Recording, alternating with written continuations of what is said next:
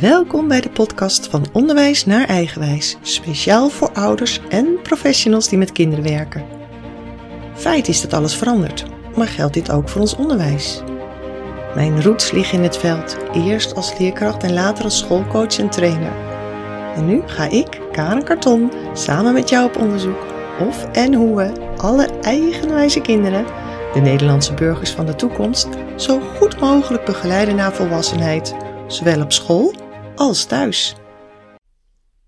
Ik zit aan tafel met René van der Brandhof, voorbestemd om als fabrieksarbeider te gaan werken in de mengvoederhandel van zijn vader. Dat klopt. En het is er nooit van gekomen. Dat is al een hele interessante. Ja. Maar we gaan even terug in de tijd. Wat voor kind was jij? Nou, in alle rapporten op mijn lagere school vooral stond... René is heel druk, houdt de andere leerlingen van de les... maar hij heeft wel goede cijfers. Ja, hoe ik dat kan, ik weet het niet hoe dat is ontstaan. Blijkbaar had ik een methode ontwikkeld om toch voor de toetsen... me net genoeg te kunnen concentreren, een soort hyperfocus... Maar daarna, na de toets, was ik alle informatie weer kwijt. Ik had geen idee en niks bleef hangen. Maar tijdens de lessen was ik blijkbaar toch alert genoeg om alles in me op te eh, absorberen, zeg maar. Toch die toetsen goed te maken. Alleen toen moest ik mijn CITO-toets doen. En toen werd alles anders. Toen, ja, ik was eh, nou ten nauwe nood goed genoeg voor de LTS. Mijn vader ging dat niet tolereren. Die had, want die CITO-toets, die was echt eh, eh, bindend toen. Hè. Zelfs als wanneer jouw leraar van de lagere school dacht, ja, maar dat klopt niet. Die CITO-toets was echt bindend. En eh, mijn vader dacht, nee, mijn zoon is slimmer dan dat. Die gaat niet naar de LTS, die gaat naar de MAVO, op zijn minst. Toen ging ik naar de MAVO en wat denk je, tegen de kerst werd ik gewoon eigenlijk verzocht de MAVO te verlaten. Want ik had drie tienen, vier negens, een, een, acht en een zeven. Ik had veel te veel goede cijfers. Ik paste helemaal niet thuis op de MAVO. Hoe ik daar doorheen ben gewalst, ik heb geen idee. Ik leerde niks. Ik had een pony. Ik ging na eh, de school ging ik altijd naar mijn pony toe. Klaarblijkelijk absorbeerde ik als een spons genoeg informatie. En onthield ik het ook voor de toetsen. Maar na de toetsen was ik alle informatie weer kwijt. Het was heel erg hyperfocus en heel specifiek gericht, maar er bleef niks hangen. Toen ik naar de MAVO ging, had ik alleen maar tweeën en drieën. En dat was heel slecht. Toen moest ik echt leren. En dat werd een stuk moeilijker. En hoe ik dat oploste was gewoon 's ochtends om vier uur opstaan. Alles waarvan ik denk, dit kan ik onthouden, dat ging ik erin rammen. Bijvoorbeeld als ik een taal had, leerde ik vooral de woordjes en niet de grammatica. Maar ik dacht, als ik de woorden maar weet, dan kan ik het wel aan elkaar plakken tijdens het examen. En zo haalde ik gewoon met de hakken over de sloot mijn eindexamen HAVO door. heel specifiek gericht te leren en dan 's ochtends vroeg heel vroeg te beginnen. En zelfs nog met een boek in mijn handen het klaslokaal in te lopen. Nog steeds mezelf het inpompen, inpomperde. En dan moest het boek dicht. Ja, dan deed ik mijn examen. En dat kon ik dan net genoeg, lang genoeg volhouden. En zo ben ik er eigenlijk door min of meer het systeem te tergen, zeg maar. Want ik leerde niks. Ik Let je wel op? Hoe, hoe was je? Nee, wat voor kind was jij in de klas? totaal niet geïnspireerd door de docenten.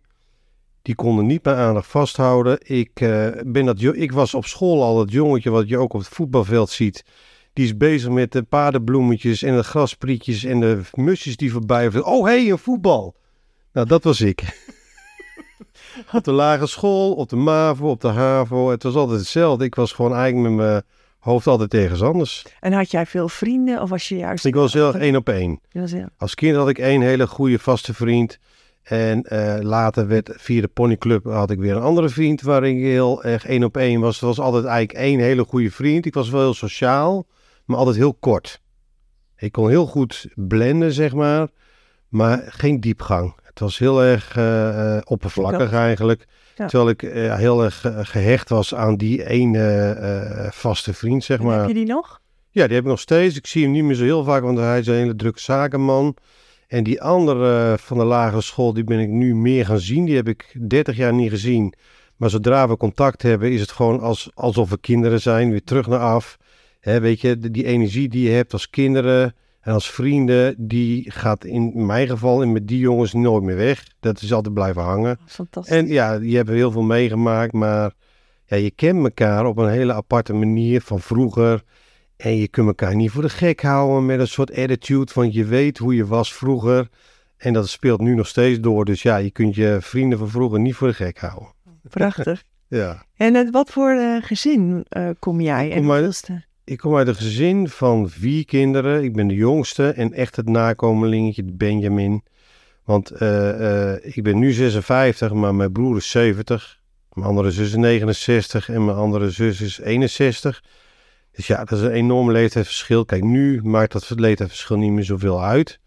Maar ja, als jij eh 16 bent en de rest is allemaal veel ouder, dan val je toch een beetje eh, ja, buiten de boot of zo. Heel andere levens. eh, Totaal andere le En ik was zo, ja, de rest was al heel vroeg het huis uit. Of die hadden al heel snel relaties. En ja, je hangt, ik ben toch een beetje als jongeling, als Benjamin tussen wal en schip gevallen, denk ik. Terwijl mijn vader, toen hij eenmaal gepensioneerd was, ik een leeftijd had waaronder hij mij eh, aandacht had voor mij. Had toen eh, hij er werkende was in, de, in al die fabrieken en met alle verantwoordelijkheden, had hij dus geen tijd voor mijn broer en mijn beide zussen. En tegen die tijd dat ik een beetje in de puberteit belandde, ging hij steeds minder werken. En had hij dus meer tijd voor mij. Dus in die zin ja, vinden mijn eh, eh, nestgenoten zeg maar, dat ik meer verwend ben dan hun. Het gaat niet zozeer, eens zozeer om geld, maar wel in de zin van aandacht. En Toen had hij opeens jullie veel tijd. Ja, vooral met de manege nam me mee op vakanties. Maar ook daar was het wel heel erg... Hij ging achter de vrouw aan en ik eh, kreeg, een- kreeg een zakje geld. Ik kon doen en la- later wat ik zin in had. Dus maar ja, het waren hele leuke vakanties. En eh, ik heb er niks over te klagen. Laat ik het zo zeggen. Ja, mooi. Ja, Geweldig. maar mijn vader was heel, heel strikt van... Als je, als je bij mij bent, dan ga je wel leren. En ik ga je overhoren. Terwijl mijn moeder was er helemaal niet mee bezig. En mijn vader heeft mij wel die discipline geleerd van oké, als je een toets hebt, dan moet je ervoor gaan zitten en dan ga je, dan ga je er maar moeite voor doen. En dat is wel wat ik van hem heb meegekregen. Je moet er moeite voor doen, wil je het bereiken. En je hebt dus wel je diploma's gehaald. ik heb alle diploma's gehaald die ik ooit, waar ik ooit aan begonnen ben. Ik ben nog nooit gezakt. Nee. Maar ik heb, doe het op mijn manier als ADHD'er. Ja, eh, dan moet je het echt hebben, hebben van het moment. En als je op het moment je niet kunt concentreren, je de sjaak. Maar ik heb blijkbaar methodes ontwikkeld, onbewust, hoe daarmee om te gaan. Het had voor mij helemaal geen zin om weken van tevoren te gaan studeren. Als ik twee dagen van tevoren me er helemaal inwierp Mhm. en tot ja, om vier uur s ochtends voor de toets opstond en nog een keer alle belangrijke dingen van de dag, dat gaan ze vragen, in mijn kop stampte, dan eh, ja, kwam ik wel door de testen heen eigenlijk. Het is een soort methode. Fuck the system. Oh, ja. Hey, en aan de ene kant heb je dus alle diploma's gehaald. Dus verwacht je ook dat jouw vader zag jou straks in het bedrijf komen. En Nou, dat verliep heel anders, inderdaad. vertel. Mijn vader die wilde graag dat ik, eh, net als mijn broer en mijn jongste zus, ook voor het bedrijf ging werken. En in, in zijn geval dacht, zag hij mij als ideale manager in, eh, in die meenvoederfabrieken. Nou, dat manager, dat stelde niet zo heel veel voor. Het was vooral het bedienen van de apparaten en het laden van de vrachtwagens. En dan liep je de hele dag rond in een hele stoffige fabriek met heel veel kabaal en heel veel stank van vismeel en diermeel en bloedmeel, noem maar op. Het was gewoon niet te harde, het is een hele on- ongezonde omgeving om in te verkeren. Doordat ik dus in militaire dienst heb gezeten en daar de tijd had om over om mijn toekomst na te denken, dacht ik nee. Mijn zwager was een kunstenaar en ik kon goed tekenen. Ik had dat in mijn, op de HAVO eh, tekenen in mijn eindexamenpakket. Toen dacht ik, weet je, ik ga ook naar de kunstacademie. Nou, toen ik dat tegen mijn vader ging vertellen, toen was nou het dak ging eraf.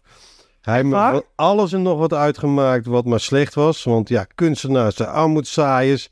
Dat kon ik wel zien aan mijn zwager. Die had er nooit geen makken. En, en je ziet dan wel, het gaat helemaal fout. Maar ik was toen zo vastberaden om tegen de wil van mijn vader in te gaan. En dat was voor mijn gevoel nog steeds mijn grootste verdienste. Is dat ik toen tegen de wil van mijn vader in ben gegaan. Om niet in die fabrieken te gaan werken. En toch te gaan doen, mijn hart te volgen eigenlijk. En wat ben je gaan doen? Ik ben eh, naar de kunstacademie gegaan om eerst... Eerst wilde ik grafisch vormgever worden. Toen dacht ik, nou, kan nog een stapje hoger. Ik wil art director worden.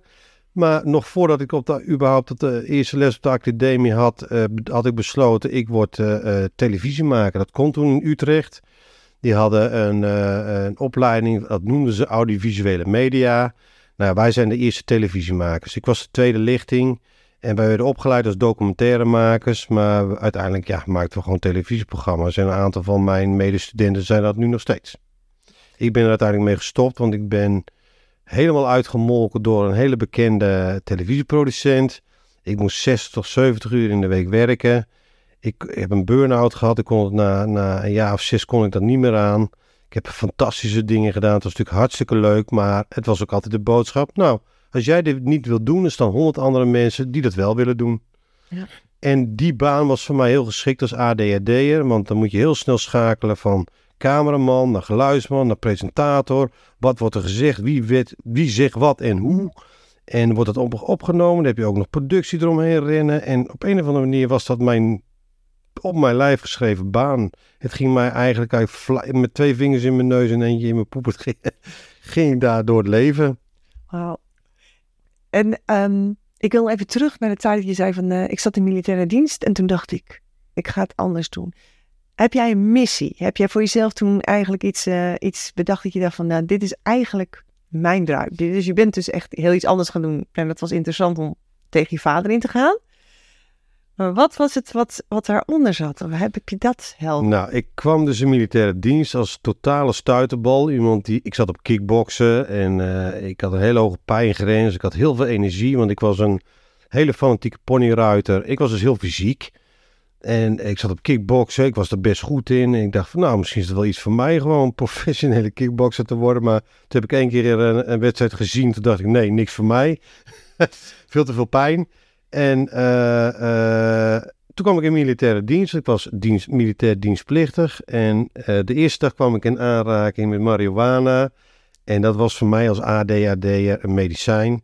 Hmm. Eindelijk, voor het eerst van mijn leven, dacht ik, hè hè, eindelijk rust. Eindelijk had ik niet meer de behoefte om elke minuut op te staan en de hele tijd iets te willen doen. Eindelijk kon ik gewoon rustig stilzitten, een gesprek aangaan en dat gewoon een uur volhouden zonder dat mijn gedachten alle kanten op vlogen. Dus cannabis was voor mij toen een medicijn. Het werd uite- uiteindelijk keerde het zich tegen mij omdat de THC-haltes heel hoog werden. Hm. Maar het heeft mij heel lang zeg maar in het gereel gehouden, want ik kon ik heb stomen vrachtwagenrijbewijs gehaald, stomen motorrijbewijs. Je kunt je niet voorstellen, maar voor mij als ADHD'er en de dosis waarin ik het rookte, was ik kwam van heel hoog opeens op een normaal niveau terecht. En niemand had het door. Niemand, want ik had geen rode ogen. Ik, ik praatte niet raar, ik praatte niet sloom. Ik, praatte gewoon, ik was gewoon normaal, eindelijk. Ah. Ja, cannabis was voor mij toen een medicijn. Ik wil het niet promoten voor mensen, eh, om dit even duidelijk te maken. Want je kunt er vreselijk aan verslaafd raken. En dan word je uiteindelijk manisch, euforisch, psychotisch. Dus eh, ja, dat, die kant wil je ook niet op. Ik heb nu gelukkig een medicijn om, eh, om mijn ADHD eh, eh, te beteugelen. Maar in mijn jeugd eh, en tijdens mijn werkzame leven was het toch voor mij een eh, soort van redmiddel om toch te kunnen functioneren. Daar het op school misging. Ja. René is veel te druk, houdt de anderen van de les af, en, en, maar heeft wel goede cijfers. Ja. Nu was het, ja, René is oké, is normaal, niks aan de hand. Maar je kon je dus ergens wel, eh, van- hè, als jij een doel hebt, dan, dan kon je dat dus wel eh, bereiken, maar kort. Daarna Ja, moest het kort. helemaal exploseren Het- ja, om weer... ja, geen lange termijn implosie, doelen. Explosie. Het moest op korte termijn, maar lange doelen. Ik heb ook nooit bedacht dat ik regisseur wilde worden. Ik wist eigenlijk helemaal niet wat ik wilde doen. Het was de ene dag dit wilde ik worden en de andere dag wilde ik dat worden. Het was, er was geen pijl aan te trekken. En ik beslis gewoon per dag wat ga ik doen. En dat is heel erg ADHD, hè, dat je niet kunt, vooruit kunt plannen. Plannen doe ik en nu eigenlijk nog steeds heel slecht. Maar dat plannen, dat is nu wel beter geworden. Maar vroeger kon ik dat helemaal. Ik had helemaal geen idee, wat wil ik nou worden. Zelfs niet na mijn studie op de kunstacademie.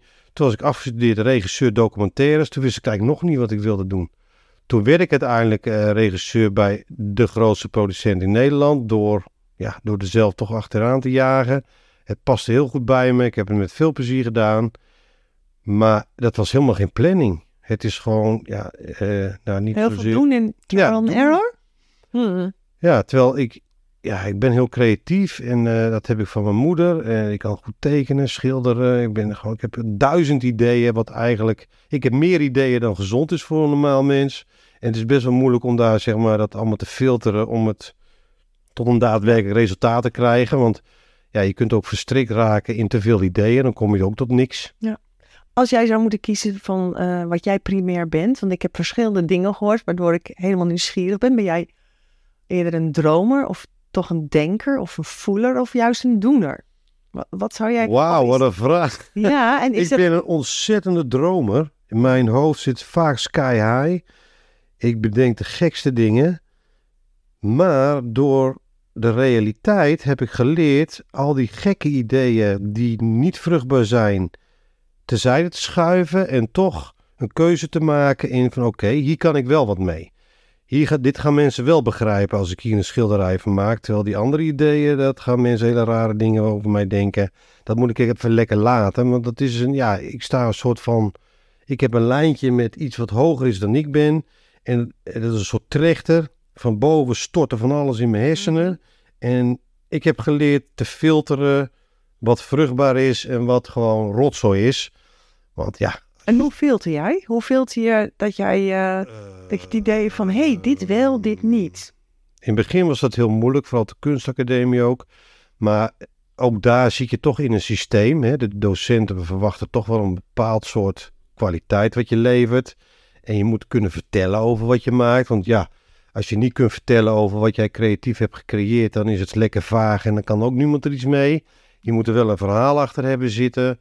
En doordat ook zelfs op de kunstacademie van je verlangd wordt dat je er een verhaal over hebt, begon ik eerst met het idee en dan pas de uitwerking. Terwijl ik daarvoor gelijk al de uitwerking deed, omdat het idee, ja, een uitwerking uit duizend ideeën, dat wordt ook chaos. Dat wordt Ja. ook niks. Dus ik heb letterlijk door schade en schande en door onderwijs, hè, toch hulp van eh, docenten, van nou, dit is wel een beetje vaag, dit, dit kan je niet uitleggen. Eh, je moet het toch een beetje een soort van kunnen verklaren wat je maakt. En to- toen ben ik zo gaan werken. Ik moet, er moet een reden hebben waarom ik het maak. Ja. En dan ga je nadenken over, ja, waarom wil ik dit eigenlijk maken? Wie moet het zien en waarom? En dan ga je dus denken in doelgroepen en dan ga je heel anders naar je eigen creaties kijken. En dat heeft je uiteindelijk wel geholpen. Ja, want als jij kijkt naar doelgroep, dat is bijvoorbeeld televisie maken. Er is een doelgroep, de kijker. en alles valt of staat omwille van die kijkers en hoeveel mensen er kijken. Maar als je alleen maar maakt kunst om de kunst, ja. Weet je, dan ben je een Picasso en dan ga je lekker je eigen gang, maar dat is niet meer van deze tijd. Nee. Eh, Is er een eh, programma wat je kunt benoemen, wat je zegt van, oh, daar heb ik aangewerkt met heel veel plezier? Of, en waarom dan? Nou, bijvoorbeeld eh, Over de Rooien, dat was met Wendy van Dijk en Matthias Scholte. Dat was een krankzinnig programma. Ja, heel veel mensen zullen het niet kennen omdat ze de leeftijd er niet voor hebben. Maar je kon duizend gulden verdienen. Bijvoorbeeld als je iemand op straat vond waarvan jij de teennagels kon afbijten. Ja, ik, ik noem maar wat, maar het was kruis. verzon dat? Ja, de redacteuren die op de kantoor zaten, zaten twee redacteuren en die, die hadden de taak de krankzinnigste eiders te bedenken. En wij moesten er vier op een dag draaien. Maar dat was heel goed voor mij geschikt. Ik heb ADHD, dus ik schakel heel snel. En hoe chaotischer het is om mij heen, Mhm. hoe beter ik presteer. Ja, dat is heel raar, dat is heel typisch. Nee, juist kan- mooi, maar wel heel mooi. Ja, dan kan ik het wel overzien. Dat is heel raar, maar dan gaat er iets een knop bij mij aan. Ik zie alles, alles wat er gebeurt. Soms kan het ook te veel zijn, maar dat hangt af van de situatie. Maar als er heel veel gebeurt, kan ik dat heel goed overzien. Ja, dat is een soort tik die ADHD'ers hebben. Want onze hersenen werken nu eenmaal anders dan bij andere mensen. Ja, wij, en dat, wij, wij schakelen heel snel. We denken in tien verhaallijnen tegelijk. En zoals als een regisseur moest ik de geluidsman, de cameraman, de presentatrice, de productie, alles in de gaten en alles tegelijkertijd. En toch kon ik dat. ja, Ja. prachtig. Ja, toen werd ik later eh, bijvoorbeeld eh, filiaalmanager en verkoper. Nou, dat was verschrikkelijk. Wat saai. En ik ging een dodelijke saaiheid. Het ging allemaal veel te traag. En Ja. Ja, maar als je zoveel gewend bent natuurlijk om zoveel in het gaat te eigenlijk om het- impulsen. Ja, ja. Je, je hersenen werken op impulsen. En of ik sta aan, of ik sta uit. Ja. Eén van de twee. Er is geen tussenweg. Ik ben nooit middel, middelweg, zelfs niet met een medicijn. Ik sta aan of ik ben uit. Eén van de twee.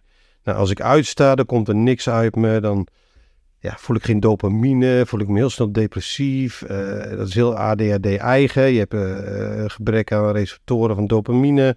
Dus je hebt een lagere input van dopamine. Dus voel je heel snel heel depressief. Ja. Gelukkig hebben we nu een medicijn en hoef ik geen cannabis meer Ja. te roken, want dat is natuurlijk heel Maar- slecht. wil ik nog even iets vragen. Van even terug in de tijd ook weer.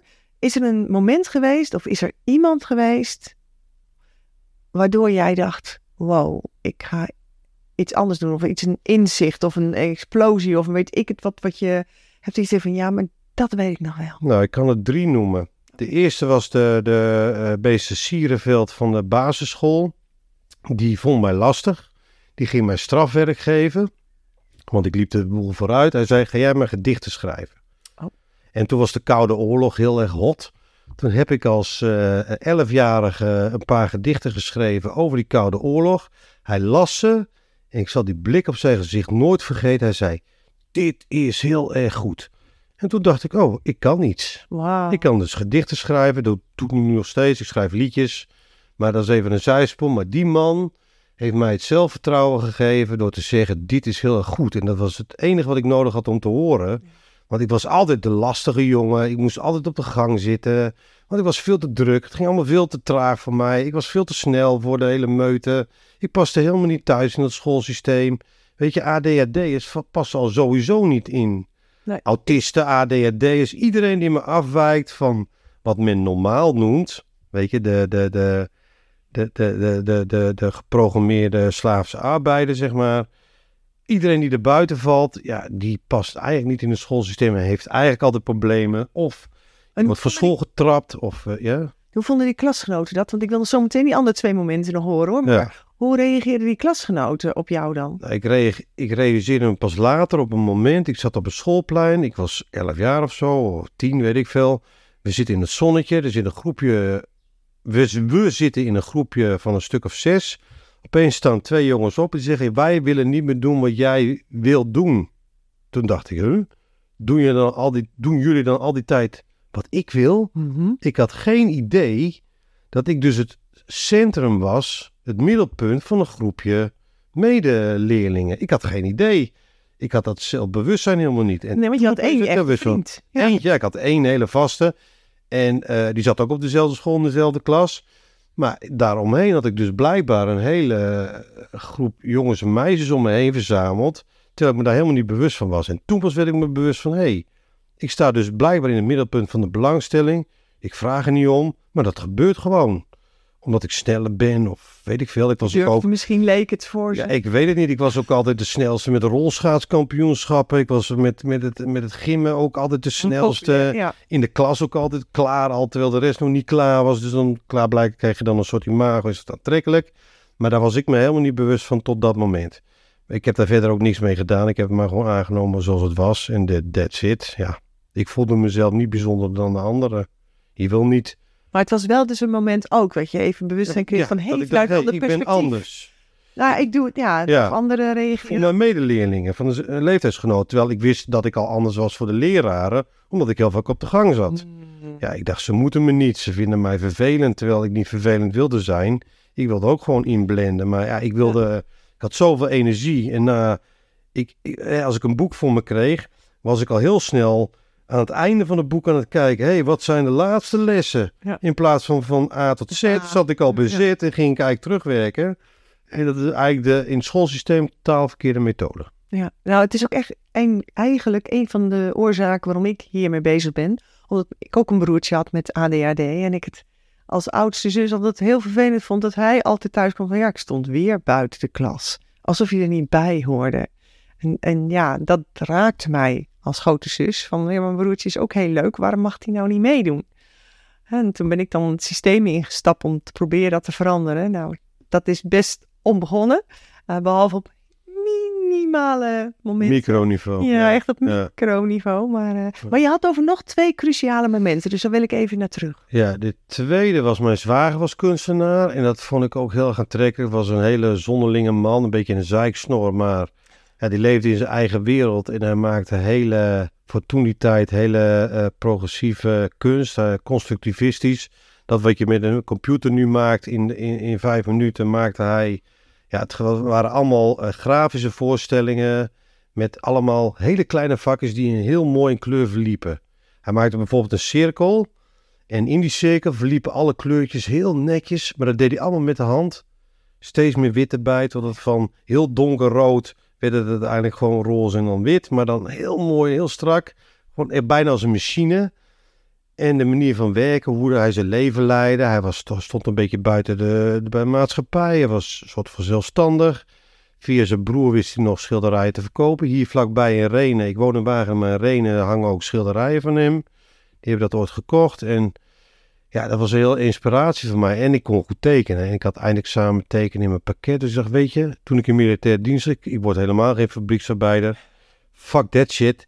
Ik word kunstenaar. Nou, toen ben ik, dat ben ik uiteindelijk min of meer ook geworden. Ik ben een regisseur geworden. Iets anders. Ik schilder en teken nog steeds, maar ik ben een heel ander soort kunstenaar. Maar dat was de tweede die voor mij, uh, zeg maar, uh, uh, cruciaal, moment. cruciaal moment was. En ja, de derde was een van mijn docenten op de kunstacademie. Dat, hij maakte zelf films. Hij was fotomodel, hij was acteur, hij heeft zelfs in uh, Gooise Vrouwen gezeten. Dan speelde een hele enge man met een soort slang op zijn lijf. Erik de Bruin heet hij. En die man, ik maakte een, uh, uh, moest een scriptie schrijven over iets wat met video gerelateerd was.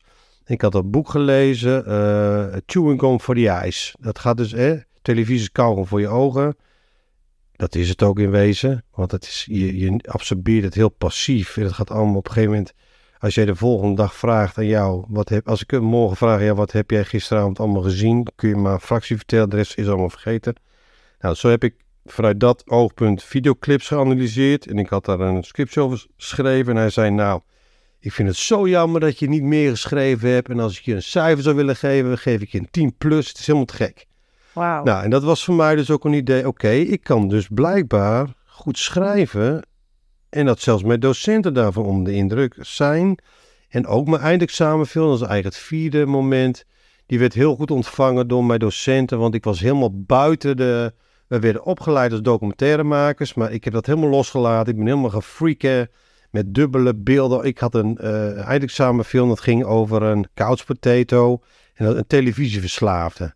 Nou, dat was helemaal surrealistisch met de dubbele beelden. Het was helemaal ontploft en allemaal special effects. Ik heb zelf nog een prijs gewonnen in Frankrijk van, uh, uh, dat was een uh, Christophe Lambert, dat is een Frans acteur. Die was eind in de jury en die heeft mij toen een prijs toegekend voor de beste art direction van mijn eindexamenfilm. Ik was heel trots. Ik kreeg een beeldje toegestuurd van een spookje van gips en het was gebroken. Maar bij die prijs zat een briefje met in het, Frans, of in het Engels, maar hij was Frans, maar in het Engels. Van, hij vond het fantastisch en vond het heel erg leuk en te gek. Hij had er een mannetje bij getekend met een hele grote joint in zijn mond. hij heeft schijnbaar begrepen waar ik door geïnspireerd was. maar dat was voor mij... herkenning meer. Ja, maar je hebt toch echt in je leven, heb je toch mensen, docenten nodig die je toch het gevoel geven, Mhm. al is het maar met één opmerking. Goh, wat goed zeg. Dat is genoeg om jij door te doen gaan. Maar als je altijd maar afgebroken wordt en het is altijd maar negatief, dan ga je geloven dat je niet goed bent en dan ga je, ook, ga je er ook naar gedragen. En daarom is het een hele taak voor docenten. Je hebt zoveel macht in die zin. Als jij één positief ding, terwijl je zelf misschien helemaal niet bewust bent van hoe cruciaal die ene opmerking is, hoe, hoe dat binnenkomt bij die leerlingen, daar kan je iemands leven mee veranderen. Totaal. En Het is maar één opmerking. kant, hè? Beide zijden, ja. Ja, ja, want Ja. Dat is ook, wel- want die verantwoordelijkheid heb je ook wel, hè? ja. Kan ook iemand breken. Afbreken dat je te negatief bent of niet enthousiast genoeg om die te stimuleren. Ja, dat is heel moeilijk als docent zijn. Ja, maar als ouder ook. Ook ouder, ja. Jeetje, iedereen kan ouder worden, maar eh, om ouder te zijn, dat is een ander verhaal. Niemand wordt opgeleid tot ouder. Ja, precies. Hè, kijk, je krijgt een kind of je verwekt een kind, dan is er opeens een baby. En dan moet je overal gaan kijken, hoe ga ik om met deze larf, die alleen maar waar voedsel ingaat en voedsel aan de onderkant weer uitkomt. Maar dat, dat, dat, die larf heeft een eigen identiteit en hoe ga je daarmee om? Niemand wordt opgeleid tot ouder. Ja. En dat is het moeilijke zijn van ouder zijn. Eh, kun je nagaan. Ja, dat is heel apart. Maar ja, hoe zou je dat moeten doen? Want iedereen is zo anders. Ja, ik heb geen, Dus dat, daar kan ik zo weinig zinnigs over zeggen, omdat ik zelf als ADHD'er wist, ik moet nooit geen kinderen nemen, want ik ben zo'n stuiterbal. Ik, eh, dat komt nooit goed. Ik kan niet voor een, een, een kind zorgen, want ik kan al heel moeilijk voor mezelf zorgen. Want ik ben zo'n stuiterbal, ik maak er zo'n puinhoop vaak van, omdat ik hele v- impulsief, hè, AD is impulsief, maak hele impulsieve beslissingen. ik wilde die verantwoordelijkheid niet. En ja, ik was een groot verbruiker van Durex. Ik was een van de klanten, denk ik. Om maar geen kind te verwekken. Want ik was echt heel erg bang mezelf voor te planten en daar niet meer om te kunnen gaan. En het is denk ik tot voor mij en voor het eventueel niet bestaande kind toch wel de allerbeste beslissing geweest ooit. Ik heb weliswaar nu een 22-jarige stiefdochter, maar dat is zo'n ander verhaal. Die leerde ik kennen toen ze 12 was. Ik was niet verantwoordelijk voor haar opvoeding, maar gaandeweg werd ik dat min of meer, ja, had ik daar wel invloed op. Maar als stiefvader, ja, moet je toch, heb je een hele aparte rol. Hè? Je ja. bent mijn vader niet, dus je hebt niks over mij te zeggen. En dan moet je het op een hele andere boek gooien, moet je ja, het heel anders aanpakken. En het is, heeft goed, heel goed uitgepakt. We kunnen ontzettend goed met elkaar overweg. Ze vertrouwt me en dat is het allerbelangrijkste. Mooi. En ja, daar waar ze een hulp nodig heeft, daar help ik haar. En eh, als ze niet om hulp vraagt, ja, dan help ik haar ook niet. Nou, eigenlijk heel prachtig. Ja, het is heel Want praktisch ook. het- ja, maar Pragmatisch, je ook heel open. Ja. Je laat ook heel open en dan vrij. En dan kunnen mensen ook komen. Ja. Kijk, met elk mens denk ik, Ja. zou dat heel mooi zijn, toch? Ja, dat is absoluut waar. Maar het, het lastige is ook gewoon überhaupt als ouder of als stiefouder of als docent, maakt niet uit.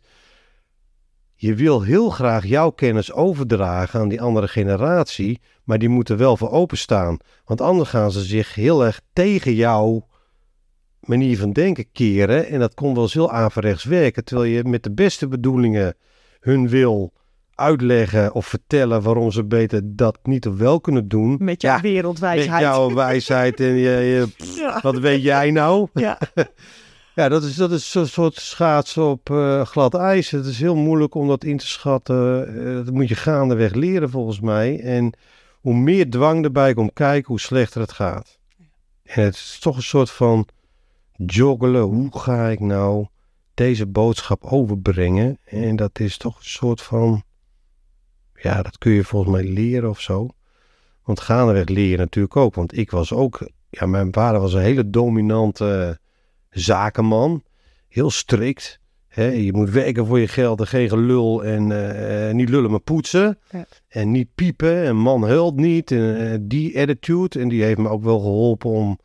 Ja, door sommige situaties mezelf daar doorheen te drukken. Ondanks dat ik daar helemaal geen zin in had. Of niet de behoefte. Of gewoon de motivatie. Dan maar toch die dingen te doen.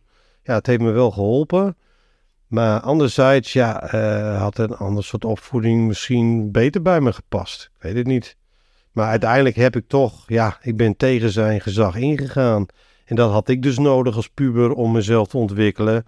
Ik moest me verzetten tegen die dominante man die wilde dat ik die route ging volgen. En ik wilde dat niet. Ik ga je twee keuzes eh, steeds geven. Oh jee. oh, dat is makkelijk. Ja. Twee. Twee. Je hoeft maar te kiezen uit twee. Ja, Ehm, geïnspireerd of aangeleerd? geïnspireerd. Absoluut. Denken of doen? Hmm. Als ADHD'er ging ik altijd eerst doen zonder te denken. Mhm. Nu ik een medicijn heb, ga ik eerst denken en dan doen. Want eh, als je heel impulsief doet, doe je ook vaak dingen op het verkeerde moment, met de verkeerde intentie. Je hebt er niet goed over nagedacht en je hebt de gevolgen niet overzien. Terwijl ik nu staat er toch anders in. Ik ga toch eerst, eerst het bedenken en het dan pas doen. Gelukkig, ik ben 56 en het heeft heel lang geduurd om tot dit moment te komen. Dat is leuk, hè? ik ben heel blij. Ja, Ja, oud, ja, ja, ja, dat is oud en ook wijs. Ja, ja. Kijk hoe Ja. grijs ik ben. Ja. dat is allemaal wijsheid. Ehm, meester of juf? Ja, nou ja, als kind, als jongetje vond ik altijd meesters interessant. Maar toen ik seksueel ontwikkelde en er een, eh, een lerares met hele grote boobies op de school rondliep, wilde ik alleen nog maar les van haar hebben. Dus ja, dat is een beetje een dubieuze vraag. Oké. Ehm, Wiki de Viking of Pippi Langkous? Uh, Wiki die Viking, dat was... Een denker. Dat- Die, eh, lost, die lost altijd alles op. Als er een probleem was, dan eh, wist Wiki altijd de oplossing. Ja, dat ben ik meer nu. Dat ben je meer nu. Ja, Pippi was ik vroeger. Spijkers eten met pap. Ja, dat was te gek. Een paard op tillen. Alles kon. In Pipi's huis kon alles. dat was ook mijn leven. Volgens mij had Pipi ADHD. Ik weet het zeker. Ze had ADHD. Heel erg impulsief. En ze was een beetje eenzaam, want haar vader was altijd op zee. En ze moest het allemaal zelf oplossen. Maar dat deed ze heel goed met Annika en Tommy. En eh, ja, ik vond het echt... Pipi is my kind of girl. Ja, oh geweldig. Ja. Eh klassikaal les of individueel? Ehm, nou, klassikaal, eh, voor mij weet dat niet goed. Ik dan kan ik beter individueel één op één. Maar één op één in mijn geval is dan, dan zit ik het liefst met het boek zelf voor mijn neus en zoek ik het uit.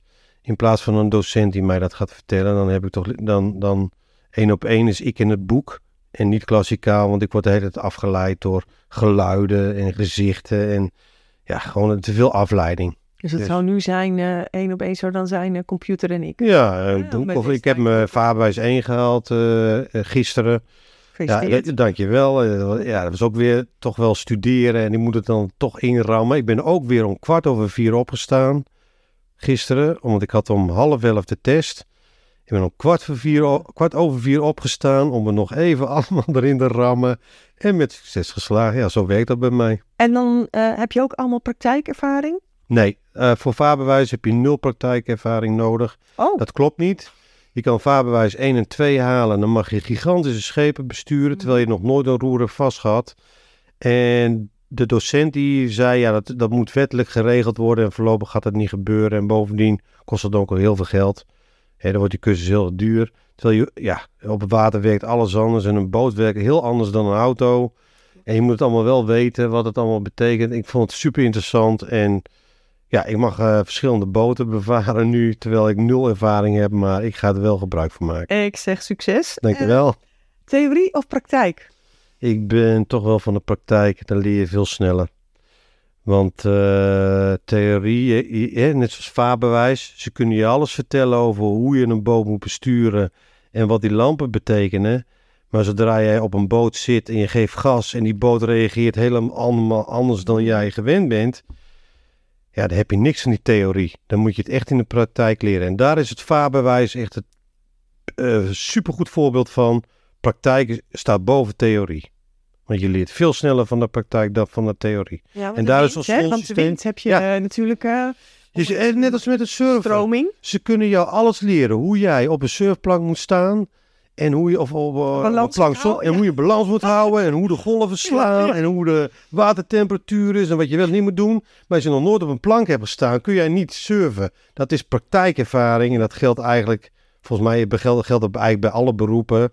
Praktijkervaring. Daarom is stage lopen ook zo belangrijk.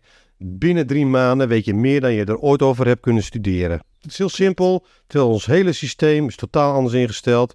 Ja, je moet de theo- theorie kennen en dan word je verwacht de praktijk ook te kunnen. Nou, dat is niet zo. Nou ja. Dus ja, het is een beetje krom. Lesuur als strippenkaart of het huidig schoolsysteem? Oh ja, strippenkaart.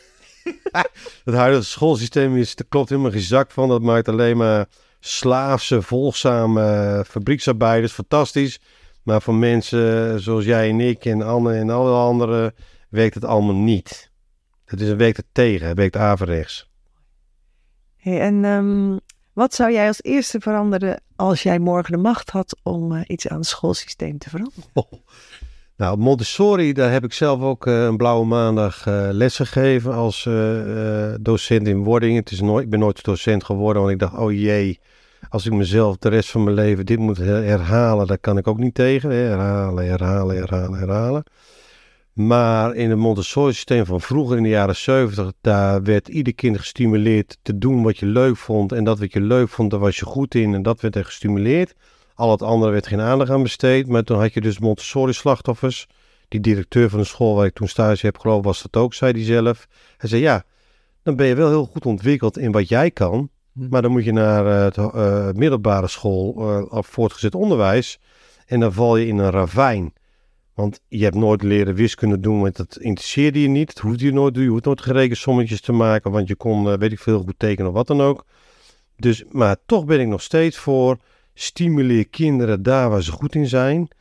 En eh, al het andere, ja, eh, leuk. Maar wat heb je aan scheikunde als je daar nooit iets in je leven mee gaat doen? Weet je, als jij een taal wil leren, ga je nou op vakantie. En dan ga je eh, heel goed luisteren wat die mensen te vertellen hebben. En dan ga je zelf in hun taal een, een, een, baguette bestellen. Of een bol zo de plastico vragen. Een plastic zak bij de Spanjaard. Zo leer je de taal. Terwijl je kunt het wel leren op school, maar uiteindelijk leer je toch heel snel, eh, eh, als je drie maanden in een land gaat wonen, of Ja. de, de kans hebt om daar heel lang te blijven. Ja, daar kan geen schoolsysteem over op. Je leert veel sneller de taal, je leert de, en je leert eerst scheldwoorden. Daar gaat het ook Ja, om. ja klopt. Eerst de scheldwoorden, de vieze woorden en dan leer je heel snel de rest. Als je, als je geïnteresseerd bent. Ja, inderdaad. Ja, maar het is wel natuurlijk mooi om bepaalde dingen natuurlijk aan te reiken. Hè? Ik denk ook Ja. dat je dat wel bedoelt, dat je wel, hè, je moet scheikunde, je moet wel iets aanreiken. Ja, want stel dat je bestaat. ja, je moet wel weten dat het bestaat en misschien is het iets voor jou.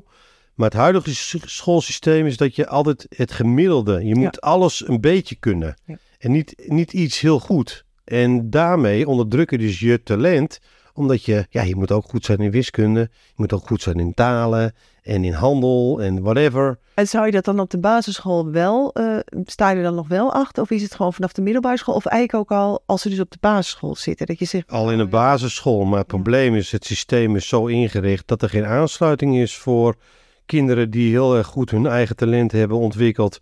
Die vallen buiten de boot of tussen wal en schip zodra ze voortgezet onderwijs gaan volgen. Ja, je zou kunnen zeggen, het hele schoolsysteem is eigenlijk, klopt niks van. Want het is, niet ingesteld, het is ingesteld op het gemiddelde.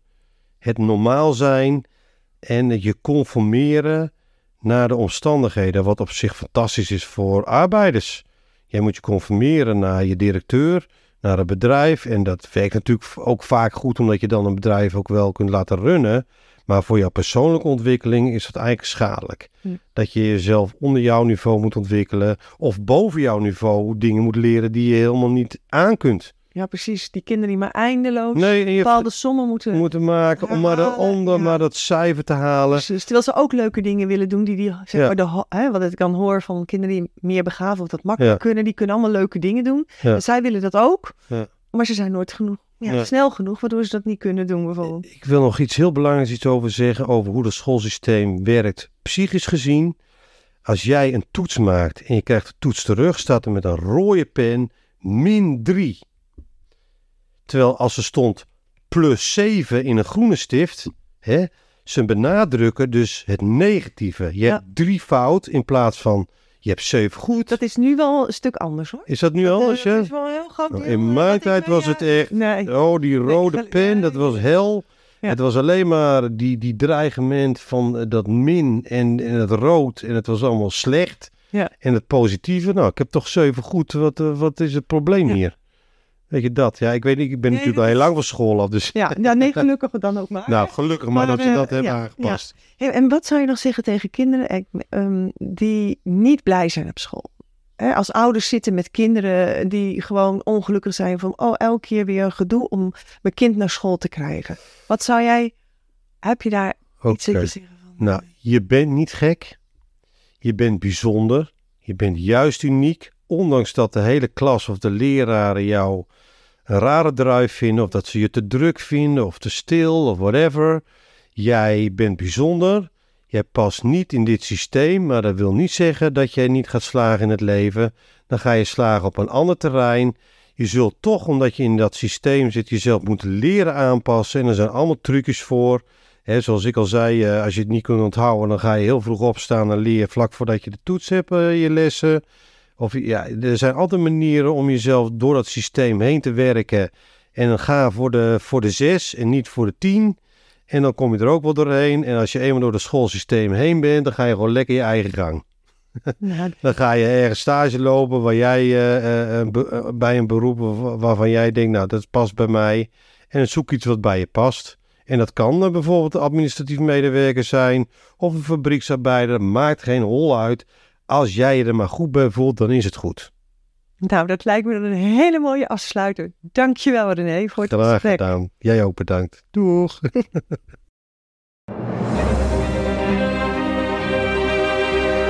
Dankjewel voor het luisteren. Als je nog een vraag hebt of wil reageren, stuur me dan een berichtje via karen.krachtstroom.nl Karen schrijf je met een E en krachtstroom schrijf je met de letters K, R en dan het cijfer 8. Het staat voor de verbinding van hoofd, hart en buik. En dan stroom, zoals je het zegt. Ik zou het echt tof vinden als je me een like zou willen geven. Wens je een stromende dag vanuit jouw oneindige kracht. Veel geluk!